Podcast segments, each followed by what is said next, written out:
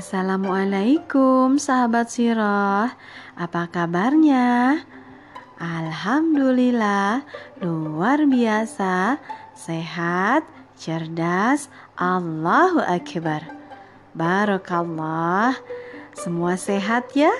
Alhamdulillah, semoga kita selalu dalam lindungan Allah Subhanahu wa Ta'ala. Amin.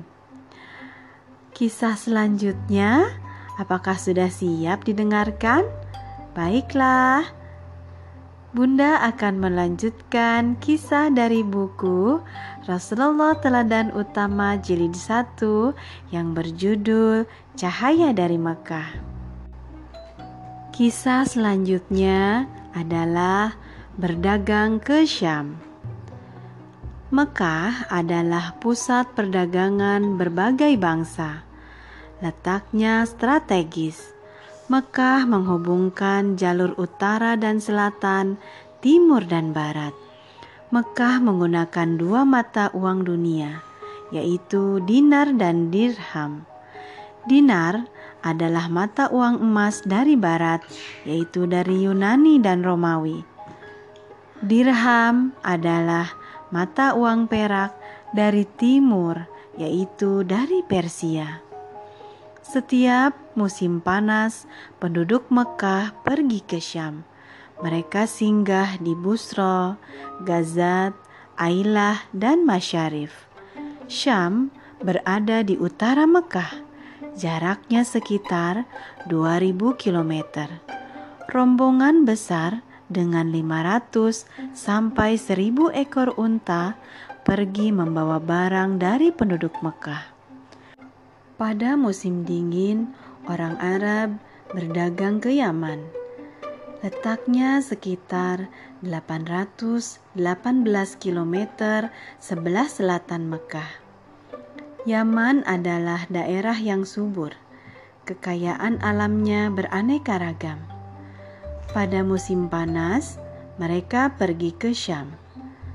Ketika dewasa, Muhammad menjadi pedagang hebat. Beliau terkenal dengan julukan Al-Amin, artinya yang dapat dipercaya. Muhammad berdagang dibantu Maisarah. Dia adalah pegawai kepercayaan Khadijah Khadijah adalah seorang saudagar kaya yang menitipkan barang dagangannya kepada Muhammad. Ketika mentari bersinar terik, dua malaikat membentangkan sayap melindunginya. Jarak seakan dilipat sehingga perjalanan terasa lebih cepat. Barang ini modalnya sekian. Silahkan dibeli dengan memberiku sedikit keuntungan ujar Muhammad menawarkan dagangan. Maisaroh tertegun, hatinya kagum. Belum pernah ada orang yang berdagang dengan cara seperti itu. Apabila ada cacat pada barang, Muhammad juga menyampaikannya. Suatu hari di Syam, seorang pendeta bernama Mastur menemui Maisaroh dengan tergopoh. Siapa yang berteduh di bawah pohon itu? Tanyanya kepada Maisarah. Oh, dia berasal dari Mekah, keturunan Quraisy. Namanya Muhammad. Apakah dalam kedua matanya ada tanda merah? Mastur berbisik tidak sabar. Hah? Maisaro bingung, lalu mengangguk. Itu dia. Seru Mastur senang. Dia berbisik lagi. Lelaki itu pasti calon nabi terakhir. Semoga aku masih hidup saat dia diutus menjadi nabi. Belum sempat Maisarah mengatakan apa-apa, pendeta itu sudah berlari mendekati Muhammad. Dia memperhatikan Muhammad dari dekat. Setelah yakin, dia langsung mencium kepala Muhammad. Aku percaya bahwa engkaulah yang disebutkan oleh Allah dalam Taurat dan Injil, ujar Mastur. Muhammad ternganga, lalu beliau ingat perkataan pendeta Buhairo beberapa tahun lalu. Wahai Muhammad, hanya tinggal satu tanda yang belum aku lihat. Maukah engkau memperlihatkannya? Pinta Mastur penuh harap. Muhammad mengangguk lalu membuka sedikit bajunya untuk memperlihatkan tanda kenabian. Aku bersaksi, suara Mastur bercampur isak tangis. Tidak ada Tuhan melainkan Allah. Dan aku bersaksi bahwa engkau Rasul Allah yang pernah diberitakan oleh Nabi Isa putra Maryam. Mastur mencium tanda kenabian itu sambil menangis terseduh-seduh. Begitu banyak kejadian ajaib dalam hidup Muhammad. Apakah benar dia calon nabi? Kapankah dia akan diangkat menjadi nabi? Kisah ini akan kita lanjutkan di segmen berikutnya. Wassalamualaikum.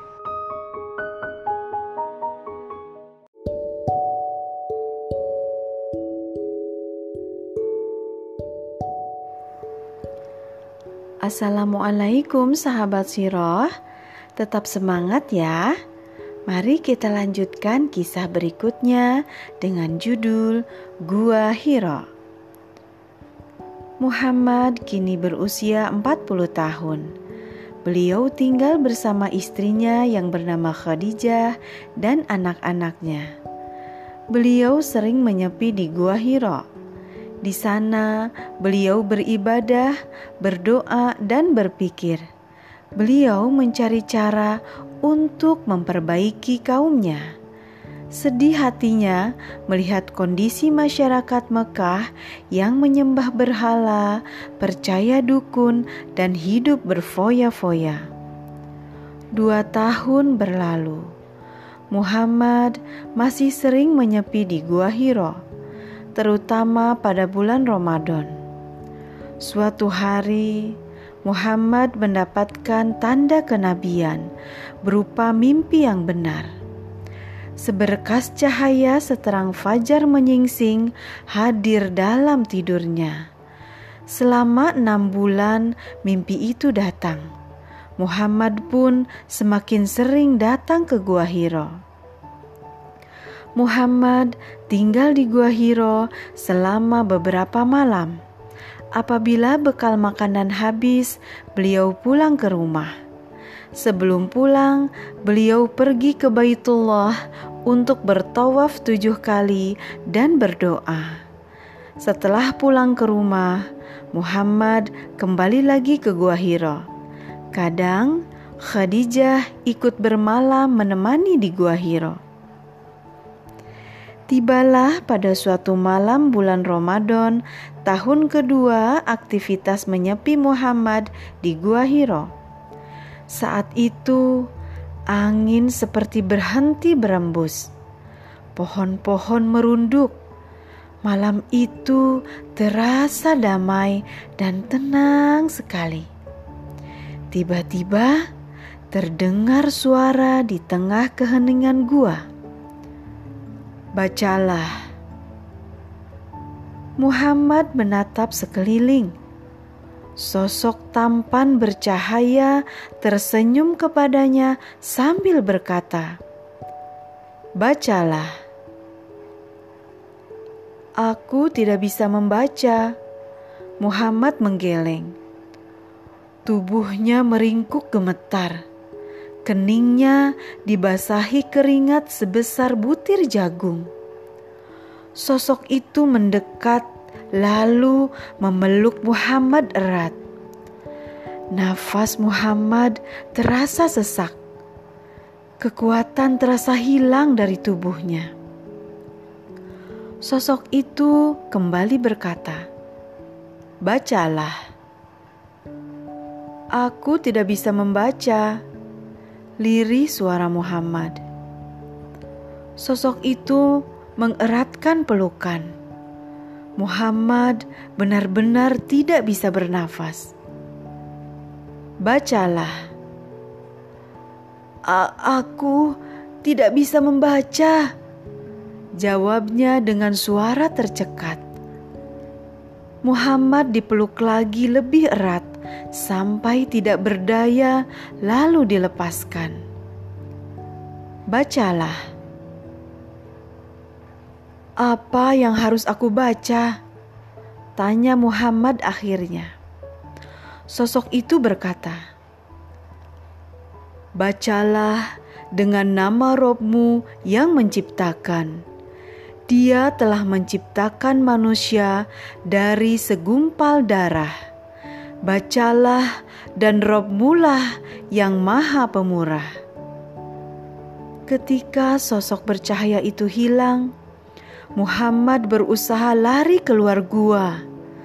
Gemetar tubuhnya, lemah kakinya di tengah perjalanan menuruni gunung, suara menggema memenuhi langit terdengar. Wahai Muhammad, engkau adalah utusan Allah, sedangkan aku adalah Jibril. Muhammad mendongakkan kepalanya ke langit. Di sana tampak seorang laki-laki Wahai Muhammad, engkau adalah utusan Allah, sedangkan aku adalah Jibril. Ulangnya. Muhammad mematung, tidak bisa berkata apa-apa. Beliau menatap ke arah lain, tetapi lelaki itu tetap terlihat. Ke arah mana pun beliau berpaling, lelaki itu tetap tampak. Muhammad meneruskan perjalanan dengan napas tersenggal setelah laki-laki itu menghilang. Beliau mendatangi Khadijah. Selimuti aku, selimuti aku, selimuti aku. Khadijah menyelimuti suaminya tanpa bertanya apa-apa. Itulah peristiwa saat Muhammad diangkat menjadi nabi Allah Subhanahu wa taala. Apakah ajaran Nabi Muhammad sallallahu alaihi wasallam diterima oleh penduduk Mekah? Siapa saja yang beriman? Makin penasaran ya? Kita lanjutkan kisah berikutnya di segmen yang lain. Sampai jumpa. Wassalamualaikum.